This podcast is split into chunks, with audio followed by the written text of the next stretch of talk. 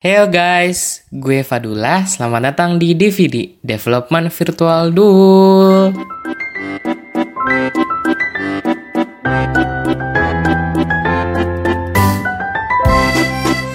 Heyo guys, baik lagi di podcast gue, podcast DVD.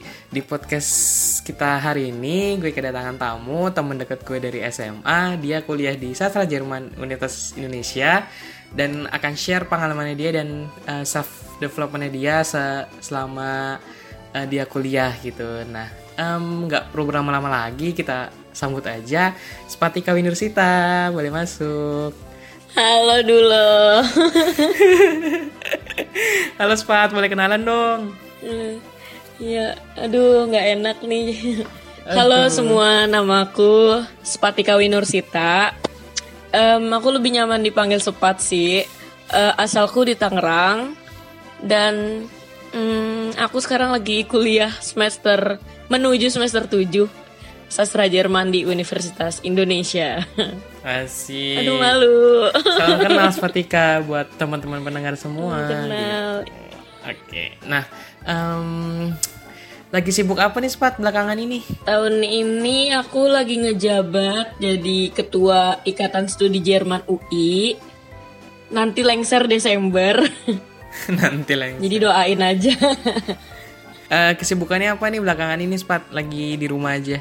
Kuliahnya gimana? Organisasinya oh, gimana? Kuliahnya Aduh, kuliah udah selesai sih. Udah uas semuanya, tinggal nunggu nilai-nilainya aja yang tidak tahu bakal seperti apa. Tapi ya, aku nggak sibuk sih sekarang. Karena semua program kerjaku dialihin ke virtual kan. Iya. Jadi masih bisa dihandle sih, gitu. Masih bisa dihandle dan aku bener-bener nyibukin diri dengan hal-hal kurang berfaedah aja sih. Tidur. Kayak apa tuh? Kayak apa tuh? sharing tidur sharing drama Korea itu biasa lah ya terus tapi aku sekarang workout. Gila nggak tuh? Waduh gila banget sih. Produktif ya workout. Produk. karena um, ya ada motivasinya sih. Niatnya jelek mau balas dendam gitu ceritanya. Nggak deh bercanda. Balas dendam karena terlalu ini ya uh, cuman ngejogrok di rumah doang nggak berkegiatan gitu ya. Jadi harus iya. Oh, workout gitu. Terus motivasinya juga hmm awas ya kalau gue cantik nanti gitu oh, tuh ada hintnya tuh oke okay, nah selain kuliah yes. tuh uh, eh tadi kan organisasi ya nah itu kan udah dialihin ke virtual selain tadi kan lu ini yeah. ya iya. jadi ketua himpunan mahasiswa ini ya sastra Jerman ya mas nah itu tuh sebenarnya yeah, ikatan um, studi Jerman job desk lu tuh di situ ngapain aja sih Pat? ya aku sebagai ketua ya mengawasi lebih tepatnya biro dan departemen yang ada di bawah aku gitu kan. Mereka tinggal mengeksekusinya mereka tapi sebelum bahas proker-prokernya sebelum eksekusi proker itu ya harus dibahas sama aku dulu. Terus nanti aku kaji lebih dalam fungsinya apa terus ya, ada manfaatnya enggak terus kita kapabilitasnya cukup nggak nih buat uh, melaksanakan ya. Gitu sih paling okay. harusnya ketua yang baik itu ketua yang nggak kerja harusnya tapi kenyataannya aku sih gitu ya kita nggak bantu aja Oke oke. Nah ini yang dulu tadi. ngebelokinnya bisa aja kenapa, ya. Kenapa kenapa kenapa kenapa? Dulu ngebelokinnya bisa aja ngalihinnya ya dulu. iya. Oke. Nah ini tadi yang bikin penasaran lu nih. Ada pertanyaan titipan dari teman kita nih di luar. Apa Katanya, sih? Apa yang dikepoin? Siapa sih pacar Spatika sekarang?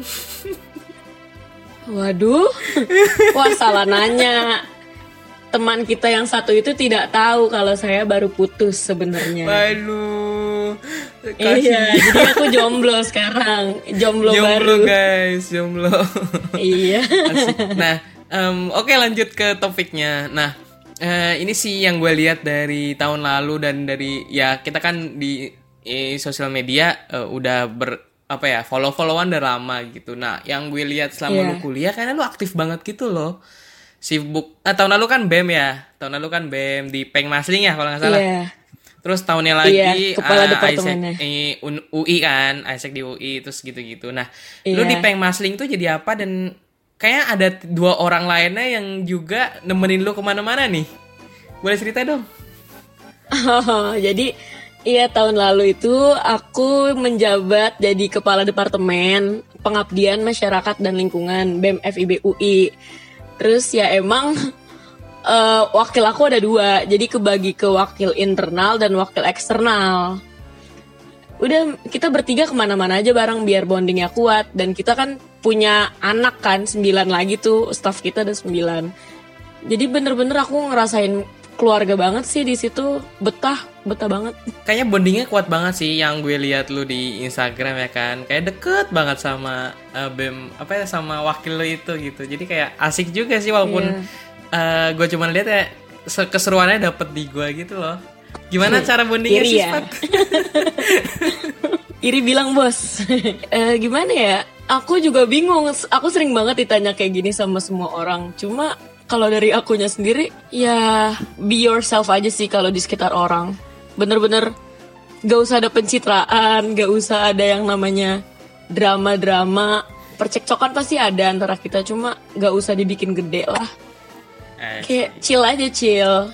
Bener-bener dibawa dibawa atmosfer keluarga aja karena kita kan bakal kerja setahun kan bareng Bener. berdua belas Iya. Eh, nggak nggak enak gitu loh kalau kita kerja tapi kita nggak tahu lebih dalam orangnya masing-masing tuh kayak gimana gitu Mm-mm, bener. saling saling kenal each other aja sih menurut aku Oke.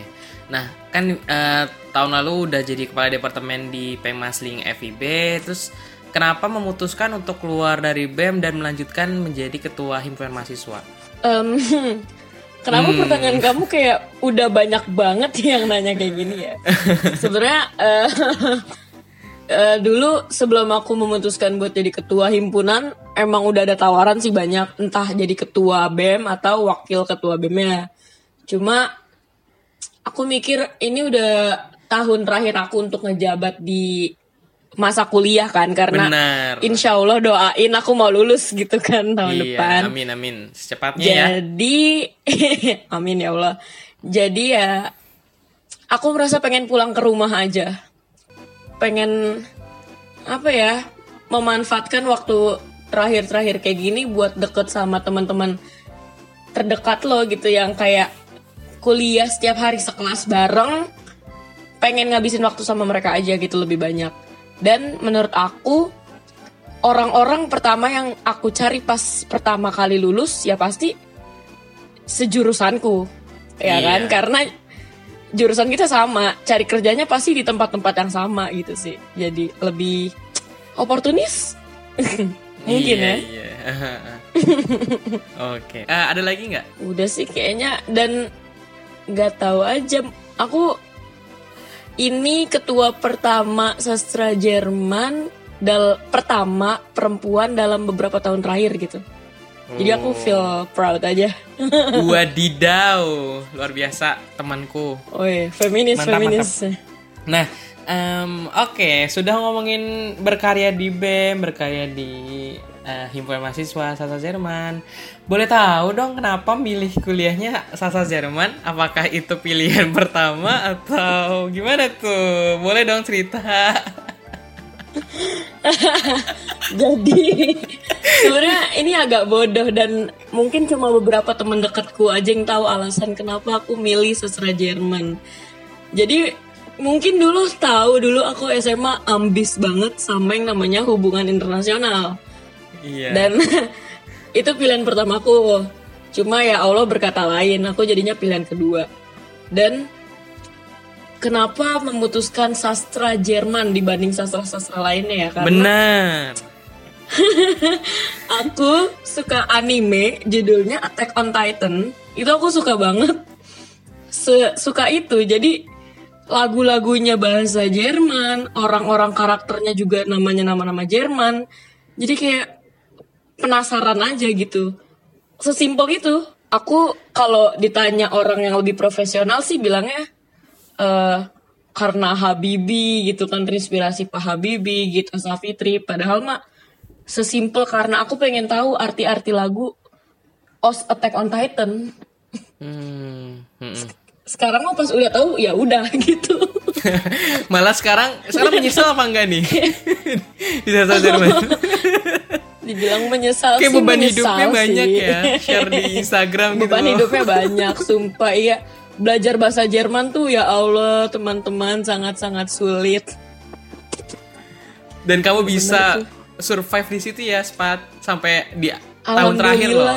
Ih mulai ih SMA nggak pernah dulu tahu yang namanya bahasa Jerman kan masuk-masuk semester 1 tuh teman-temanku udah pernah yang ada yang tinggal di Jerman ada yang emang SMA-nya dapat bahasa Jerman aku bener-bener ngejar ngejar banget berdarah-darah dah pokoknya Oke, tapi kelihatan sih ya kayak hasilnya lu udah ngerti lah gitu, nggak sia-sia gitu loh. Insya Keren sih. Allah Mantap.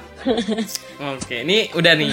Kita udah ngebahas tentang hal itu itu tuh. Jadi sekarang beralih lagi ke uh, obrolan yang baru. Em, untuk seorang Spatika sendiri gimana kamu men kamu kan tuh pakainya nggak apa-apa aku lebih suka aku kamu oh ya udah Uh, kamu sebagai orang seorang Spatika gimana kamu membangun self love bagi diri sendiri Spat?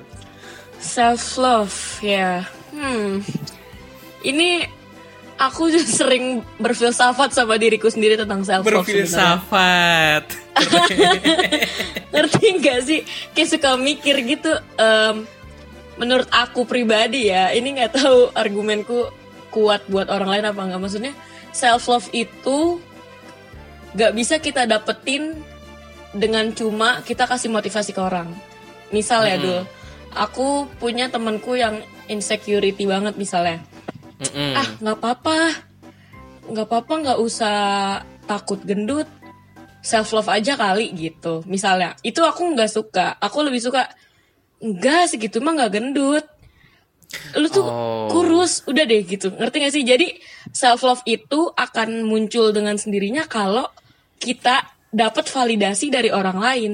Mm, mm, mm. Menurut aku sih gitu. Kita nggak mungkin bisa mencintai diri sendiri kalau orang lain nggak bisa mencintai kita. Itu sih menurut aku cuma nggak tahu ya Jadi- menurut orang lain. Eh, tergantung dari lingkungan kamu juga dong ya untuk bisa Tergantung lingkungan. Padahal iya sebenarnya sih orang-orang bilangnya ya kalau orang nggak cinta sama lo, lo harus cinta sama diri lo sendiri. Tapi menurut aku sih itu sulit.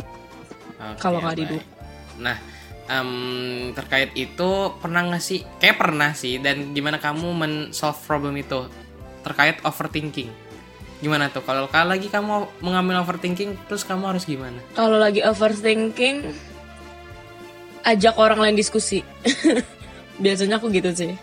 Kenapa tuh? Karena dengan pikiran-pikiran yang banyak banget di otak, kalau kita tampung sendiri, sia-sia. Dan gimana ya, kalau misalnya kita diskusi sama orang lain, kadang pikiran-pikiran kita bisa diolah dan malah jadi menghasilkan sesuatu yang produktif. Benar, Misalnya aku lagi punya argumen tentang argumen tentang isu ini, tentang isu ini. Aku biasanya ngechat orang random. Sebener-bener aku serandom itu sih. Sama temen aku, temen aku udah pada paham semua sih kalau tiba-tiba di chat aku pasti nggak penting-penting amat sebenarnya mah cuma mau ngobrol aja. Ya aku diskusi sama mereka. Terus aku kasih argumen aku kalau dia nggak setuju ya dia kasih argumen dia. Terus tiba-tiba muncul suatu argumen yang kita setuju sama-sama up deh di sosial media biasanya sih gitu mungkin dulu sering ngeliat snapgram snapgram aku nggak sih yang tentang isu-isu Iya, benar. apalah benar. kayak kemarin LGBTQ gitu-gitu kan itu kadang aku emang harus diskusi sama orang dulu sih Untuk menumbuhkan self confidence dari diri kamu gimana tuh, Spat? Supaya em, bisa menjalani semuanya. Jadi self confidence kamu gimana? ya aku pemalu loh dulu Ah, bohong. Gue tahu lu dari SMA. SMA mungkin liar ya mungkin pas kuliah jadi princess Jadi bercanda malu. gimana gimana cerita confidence cerita? ya balik lagi sih emang aku bisa confidence kalau orang-orang di sekitar aku bisa nerima aku sebenarnya percuma aku confidence aku pede meluapkan segala apa yang aku bisa. Tapi kalau orang lain reaksinya kayak eh apaan sih? Itu itu aku malah jadi males. Hmm. itu malah bikin ngedown sengedown ngedownnya jadi ya balik lagi aku mending nyari temen yang gak toksik aja sih. Aku tuh orangnya obser observatif banget ya dibilang gitu sih. Dan nggak gampang kebuka sekarang sama orang baru jadinya. Aku bahkan bisa bilang aku takut manusia. Takut sama manusia iya karena emang makhluk terseram tuh selain iblis emang manusia. Manusia astagfirullah. Oke. Oke lanjut. Em, nih di tengah kesibukan kamu di organisasi di kampus dan di dunia pertemanan seberapa besar peran dari rehat dan untuk produktivitas kamu? Wah, mengistirahatkan badan itu menurut aku bentuk apresiasi tertinggi buat tubuh sendiri. itu self love menurut aku sih. Istirahat aku kalau misalnya lagi sedih banget, lagi ngedown banget, bener-bener ngebiarin aku tidur setidur-tidurnya tanpa ada orang yang bangunin. Bisa kali 24 jam. Terus em, rehat itu juga nggak cuma tidur sih maksudnya aku kalau misalnya lagi capek organisasi aku bisa break dulu. Aku jelasin ke orang-orang terdekat aku terutama orang-orang yang kerja sama aku. Misalnya sekarang aku lagi jadi ketua ya aku bilang ke wakil aku tolong backup karena aku lagi gini gini gini. Jelasin aja jujur aja gitu. Terus ya aku ngilang bentar sampai akhirnya aku fresh lagi otaknya balik deh baru bisa kerja lagi. Itu kalau kerjaan kalau kuliah nggak ada obatnya sih udah. Kalau males males aja sih. Ya udah kalau males males aja ya. Sedangkan males, malesnya males sepanjang hari. Malesnya sepanjang hari. Dasar aku Nggak apa-apa gitu. yang, yang penting survive. Oke. Nah, oke, nah itu kan rehat. Nih, yang gue penasaran tuh gini, Spat. Dari segala hal yang lu lakuin di luar kuliah, itu tuh sebenarnya apa yang lu cari sih? Dasar apa yang lu eh, pakai supaya oke gue harus ikut ini, ikut itu supaya apa gitu. Apa yang lu cari lah dulu pas aku jadi maba 2017 eh, ketua BEM UI ngomong gini Em, aduh aku lupa deh dia ngomong apa. Intinya kayak semua ilmu itu nggak bisa didapetin cuma kita duduk di kelas. Kita itu harus explore dunia luar eh, kerjaan itu kita bisa dapat belum tentu cuma dengan orang-orang di kelas lo aja. Kita harus perluas koneksi kita.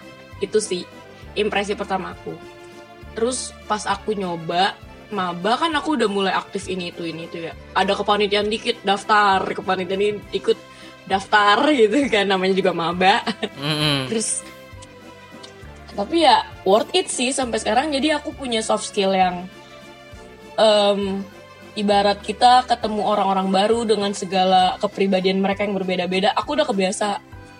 Terus eh, gimana rasanya dibenci semua orang saat kita melakukan hal yang salah itu aku udah biasa banget ngadepin orang kayak gitu. Gimana caranya ngadepin stres di saat kerjaan kita numpuk di saat eh, apa yang kita mau ternyata tidak membuahkan hasil yang kita mau itu aku udah sering makanya soft skill tuh perlu dibangun. Dan aku mencari ilmu-ilmu baru yang aku cuma bisa dapetin kalau lagi ngobrol sambil ngopi. Bukan ilmu tentang bahasa Jerman bukan ilmu tentang sejarah Jerman. Tentang kehidupan tuh aku cuma bisa dapat pas lagi ngobrol aja random.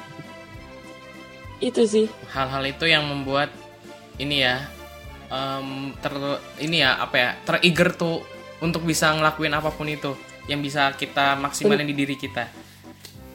bener banget bosen gak sih dulu kalau misalnya kita kuliah cuma duduk aja di kelas Iya, benar. Dan pulang iya sebenarnya tuh ya, ini sih tapi tergantung jurusan kuliah sih. Tergantung Tapi individu sih. Di kuliah itu tuh kayak em, banyak ininya loh, banyak luangnya sebenarnya sih. Nah, Iya, kadang-kadang sayang aja nggak dimanfaatin untuk kayak mengeksplor hal yang lain gitu. So- soalnya gini, tapi kan itu juga butuh koneksi kali ya, kayak butuh teman yang eh ada ini di sana, ada ini di situ kan jadi kayak tahu ada informasi yang bisa kita uh, uh, ikuti gitu kan. Jadi kayak tergantung juga kita teman-teman kita lingkungan kita dan juga tergantung kita mau nggak kita uh, meng apa ya mengikuti itu gitu yang penting konteksnya di sini baik ya bukan yang ikut-ikut negatif gitu.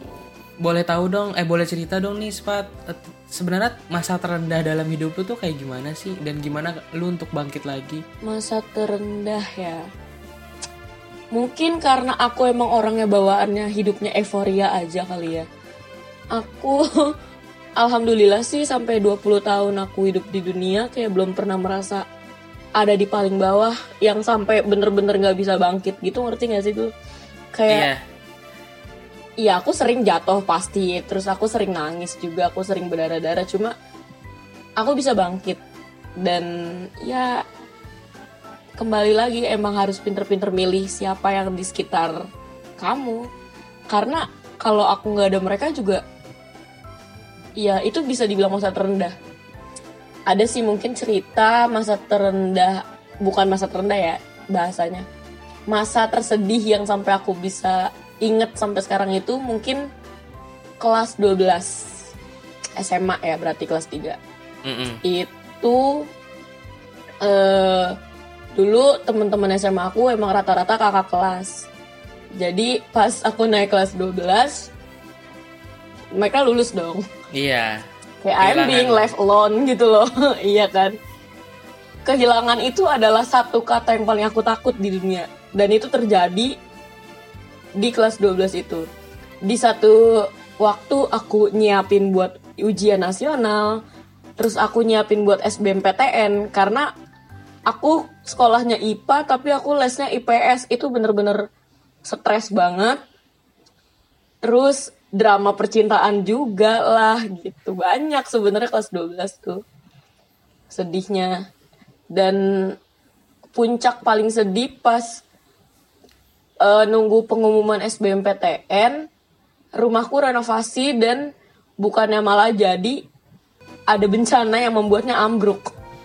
Itu Astagfirullah. itu bener-bener badut sih. Sedih banget sedih banget. Dan ya gitu. Waktu itu emang gak ada orang di sisi aku aja. Jadi tapi Allah ngasih hadiah dengan selamat. Anda diterima menjadi mahasiswi Universitas Indonesia gitu kan. Seneng dong. Alhamdulillah. Jadi gue bangga tau aku dibangkitinnya sama Allah. waktu itu lo ngasih tahu kalau wah di UI gitu kan emang uh, sebenarnya lo di sastra Jerman juga kan sebenarnya karena kakak lo juga di sastra gitu kan. Jadi sebenarnya emang yeah. ada lingkungan lu yang di sastra gitu kan. Jadi kayak sedihnya emang oh yang gue tahu Spatika pengennya ha, hubungan internasional tapi mm -hmm. uh, dapetnya sastra Jerman. Tapi so far tuh seneng karena ya selama itu pilihan lu sih ya gue sebagai teman juga ngedukung gitu. Nggak menghalang-halangi iya, oh iya dulu tuh emang salah satu orang yang excited banget dah pas momen aku SBM sampai kirim hadiah foto. Foto aku diedit pakai jaket oh, kuning. iya, wah iya, itu aku masih inget banget. Karena emang sebahagia itu gue aja yang jadi orang lain sebahagia banget gitu. Emang dah sayang dulu banget oke nah eh, lanjut selanjutnya nih um, dari cerita yang tadi sebelumnya tentang uh, lu kalau apa ya butuh ngobrol sama orang ngopi untuk mendapatkan apa pun itu misalnya insight. Nah uh, untuk kayak circle lu sendiri gimana lu bisa uh, mendapat support system dari kegiatan lu? Masa kayak lu kan hidup juga butuh orang-orang yang mendukung lu atau apa. Nah itu kan support sistemnya gimana tuh? Support system ya. Kalau udah ngomongin circle emang susah sih dulu aku SMA nggak punya circle di kelas dari kelas 10 sampai kelas 12 jadi aku nggak tahu yang namanya teman deket tuh kayak gimana gitu. Terus sampai akhirnya kuliah aku nyadar kalau misalnya nggak punya circle aku nggak bisa survive di jurusan aku.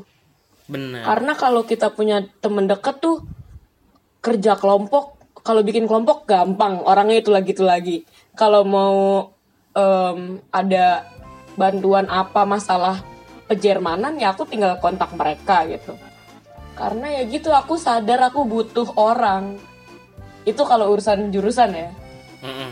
terus aku merambah ke dunia organisasi. Nggak mungkin dong aku stay ke sama orang-orang di jurusan aku circle-nya. Ya aku bikin baru. Em, terus emang sih awal dari aku mahasiswa baru, aku tuh punya apa ya? Nggak ngerti tiba-tiba aku masuk grup lain isinya angkatan aku banyak dari semua jurusan yang ada di FIB lama kelamaan tuh circle-nya makin kecil makin kecil makin kecil. Itu temen deket aku sampai sekarang. Kayak nggak tahu ya seleksi alam. Dan aku sadar orang-orang yang di geng itu berjuang bareng sama aku sebenarnya di dunia perorganisasian FIB jadi sekarang alhamdulillah koneksi aku luas juga karena circle aku. Mm-mm.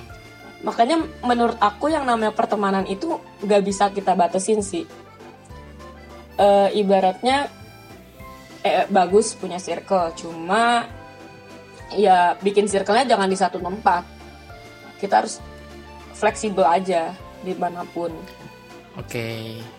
Nah, ngomongin support system, berarti kan salah satunya ada dari teman, dari hubungan pertemanan dan segala macam. Gimana kamu membangun dan gimana kamu menyikapi tentang pertemanan kamu yang sehat? Gimana menurutku menurut kamu tuh pertemanan yang sehat seperti apa? ya tadi paling suportif lah ya terus eh, aku aturan nomor satu dalam berteman denganku adalah no drama bener-bener sekarang gini dari circle aku yang tadi aku bilang pas maba sekarang aku ketua sastra Jerman salah Iya. satu orang dari maba salah satu orang dari geng itu sekarang jadi sastra ketua sastra Jepang jadi ya kita saling ini aja sih, saling kompetitif, tapi eh, konstruktif gitu, positif. Maksudnya heeh. boleh sih sombong, boleh halal buat nyombongin satu sama lain. Eh gue ketua Jerman gitu, eh gue ketua Jepang. Terus ada lagi yang ngebalap dia sekarang jadi pejabat BEM UI.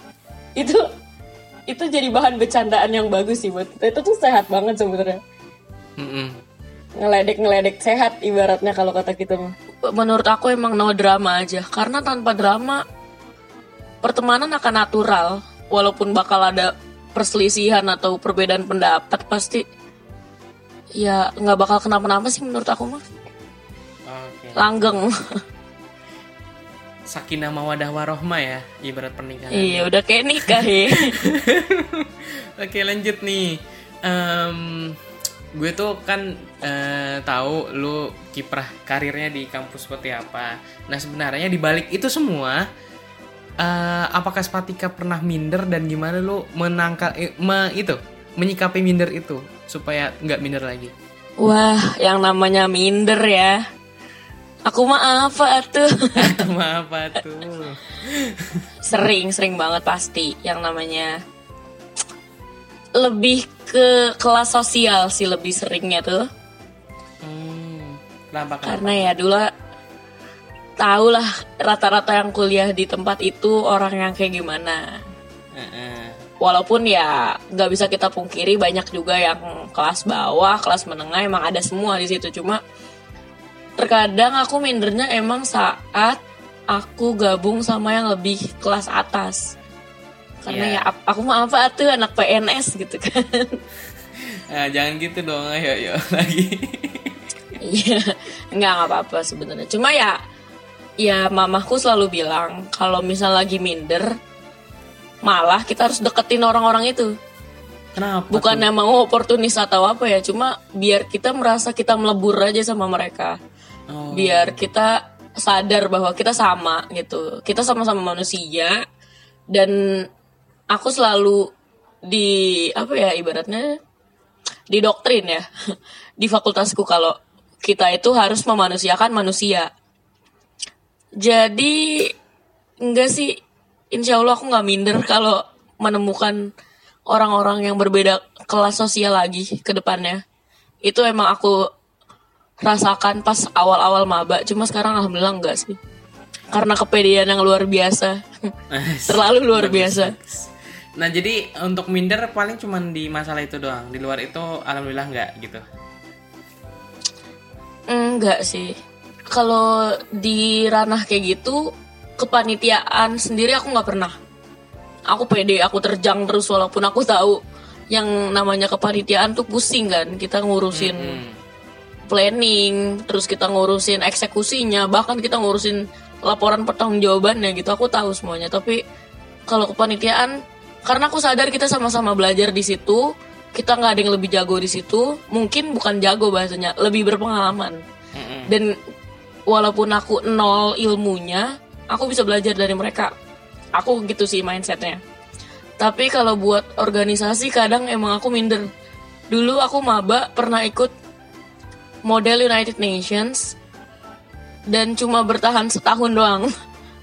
Karena em, anak-anak di situ adalah bukannya so pinter ya maksudku bukan sejiwa sama aku aja. Nggak satu frekuensi. Hmm. Jadi aku nggak betah karena emang aku anaknya males baca to be honest jadi ilmuku tentang diplomasi masih cetek banget tapi aku belajar sih sekarang insya Allah Yang gue Apa tahu nih? nih, akhir tahun Apa berapa ya? nih? Akhir tahun 2017 lo pernah exchange ke Filipina ya? Boleh dong Ah, ceritain iya. gimana di sana ngapain aja apa yang lo pelajari di Filipina itu buat peningkatan diri. That was very crazy experience for me. Itu bener-bener aku baru ulang tahun umur 18. Aku pergi sendiri ke Angel City, Filipina selama 6 minggu. Itu adalah pengalaman pertama aku pergi ke luar negeri sekaligus pertama kali aku kema pergi jauh tanpa ada siapa pun sama aku. Em, di situ aku job desk-nya untuk Global Volunteer Isaac di sana yaitu ngajar matematika dan bahasa Inggris ke anak-anak yang kurang mampu di dua kota Iya. bahkan. Jadi aku dalam seminggu itu eh, pergi ke dua tempat. Satu nama tempatnya itu Museum for Poor Kids Balai Balayan. Satu lagi aku agak lupa, tapi dia panti asuhan Saint Joyce kalau nggak salah. Dan wah sangat sulit. Aku nggak bisa bahasa Tagalog. Mereka nggak ngerti bahasa Inggris. Itu bener-bener experience yang menurut aku sampai sekarang kok bisa ya aku 6 minggu di sana gitu loh. Padahal pas di sana ngejalanin ya, nangis sih. Wah, aku minggu pertama aku sakit gigi di sana aja bisa nangis nyari-nyari mama. Padahal padahal jauh dari mama gitu kan. Terus experienceku gila. Aku pernah secara nggak sengaja nge- menghanguskan tiket pulang ke Jakarta Hmm. karena aku salah mencet gitu di internet aku lupa terus ya udah mamaku cari uang lagi buat nyari eh, tiket buatku lagi kan yang baru terus aku belajar cara survive di sana karena makanannya asin semua. Dan sementara aku nggak suka asin sama sekali. Aku nyari sambel saus nggak ada.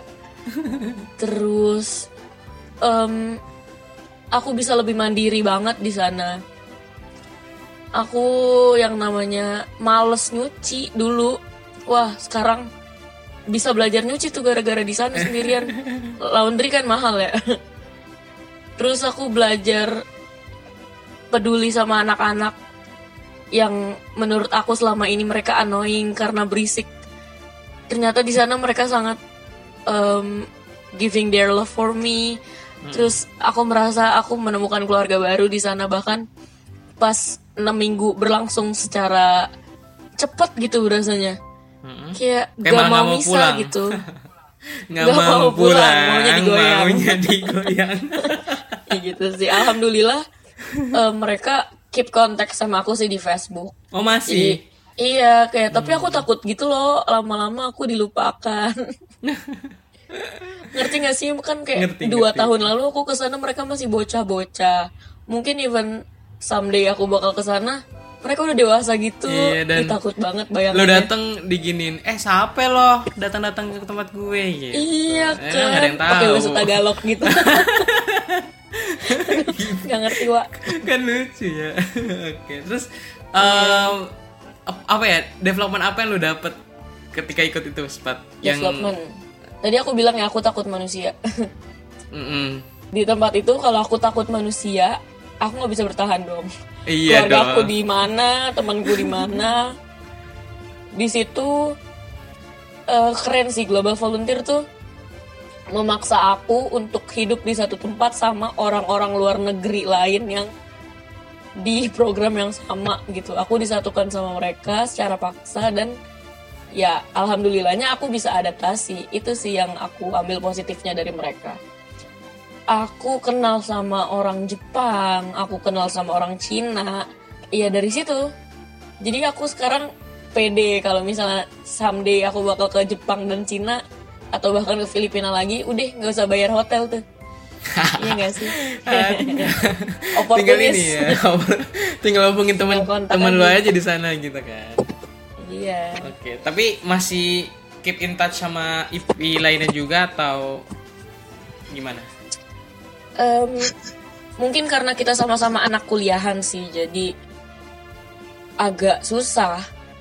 Bahkan kita sama teman-teman SMA kita aja jarang dong. benar benar apalagi yang beda negara gitu kan iya itu Tapi yang experienceku di Filipina sih cuma Iya. kalau yang teman-teman aku yang aku dapat dari ISEC UI yang kayak orang Mesir dan orang Vietnam itu aku masih sih reply reply story Instagram lah minimal. Oke oke. Ada lagi nggak spat? Development ya? Heeh. aku bisa lebih profesional. Benar karena mungkin dulu tahu aku tuh orangnya mager banget. Cuma di sana kan yang namanya kita udah punya job desk dong. Iya. Mau nggak mau ya kita harus lakuin. Heeh. itu aku bener-bener em, belajar yang namanya bertanggung jawab atas pilihan apa yang telah aku ambil gitu. Aku udah memutuskan untuk ke Filipina ya udah aku kerjain apa yang harusnya aku kerjakan di sana. Dan ya alhamdulillah sih aku dapat award dari mereka. Apa tuh itu em, nama awardnya lucu sih anak balai-balayan choice award. Wih, Asik. berasa terpilih banget nggak tuh? Cara cara mereka menghargai gitu cara mereka me- apa ya Iya. mengapresiasi ker- hasil Iya. kerja lu gitu ya. Mm-mm, seneng banget seneng banget. Oke dan kalau ada kesempatan lagi mau datang lagi nggak ke sana? Mau. Mau banget lah siapa yang enggak Oke. sih? Selamat. Anda mendapat hadiah trip ke Filipina waduh udah buka belum ya? Masih lockdown kagak ya? Eh btw gue mau ya cerita sih. corona astagfirullah. Gue ikut juga kan eh, global volunteer ya kan. Tapi virtual nih. Oh ya? Iya. Oh Virtual. oh nggak jadi pergi keluar? Enggak emang dia programnya fil ah, ini virtual. Summer ini. Di mana dul? Di Malaysia sih. Ah iya iya. Nanti kok. akhir Juli sampai Agustus. Jadi remote aja di rumah banget. kerjanya.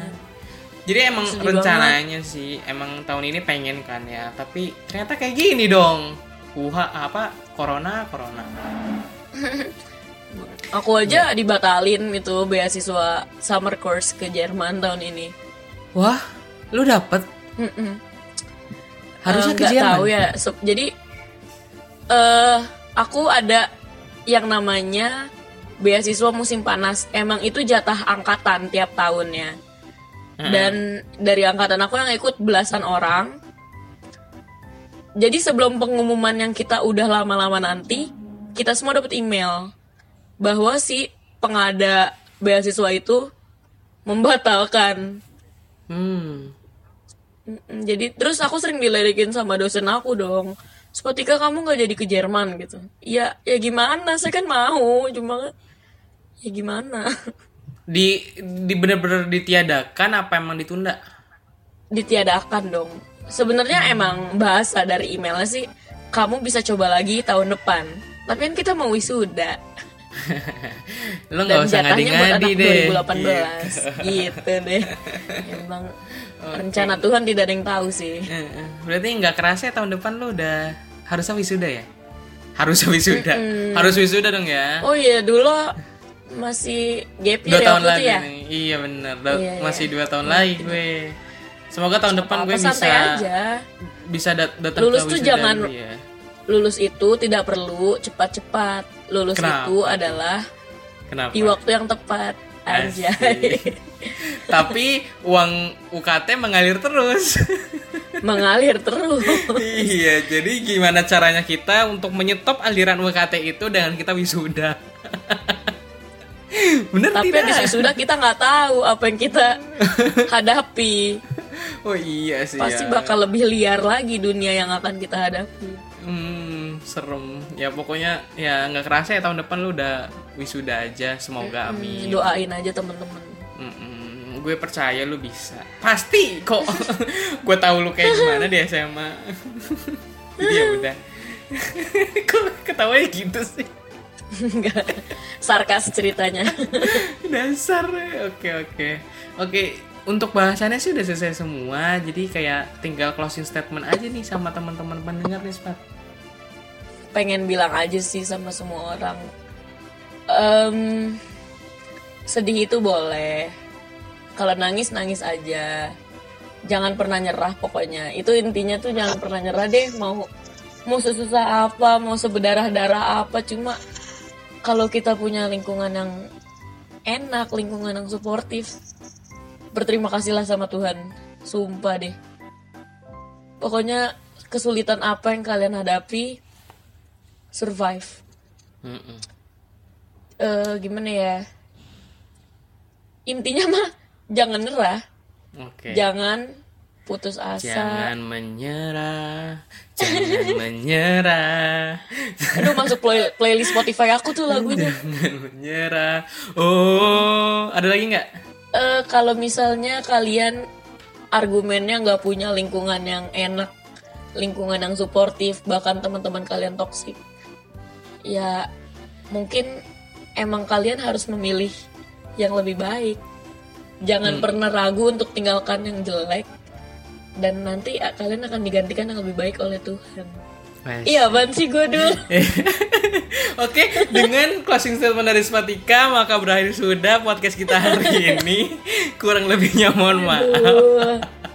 Oke oke, thank Terima you Spat kasih. Jadi oke mungkin segitu aja podcast kita hari ini episode bersama Spatika Winurusita mahasiswa sastra Jerman di. Universitas Indonesia. Kurang lebihnya mohon maaf. Sekian dari aku Fadula dan dari Spatika. Sampai ketemu di podcast DVD selanjutnya. Dadah. Semangat dadah, DVD. Dadah, dadah dong Spat. Dadah. Dadah.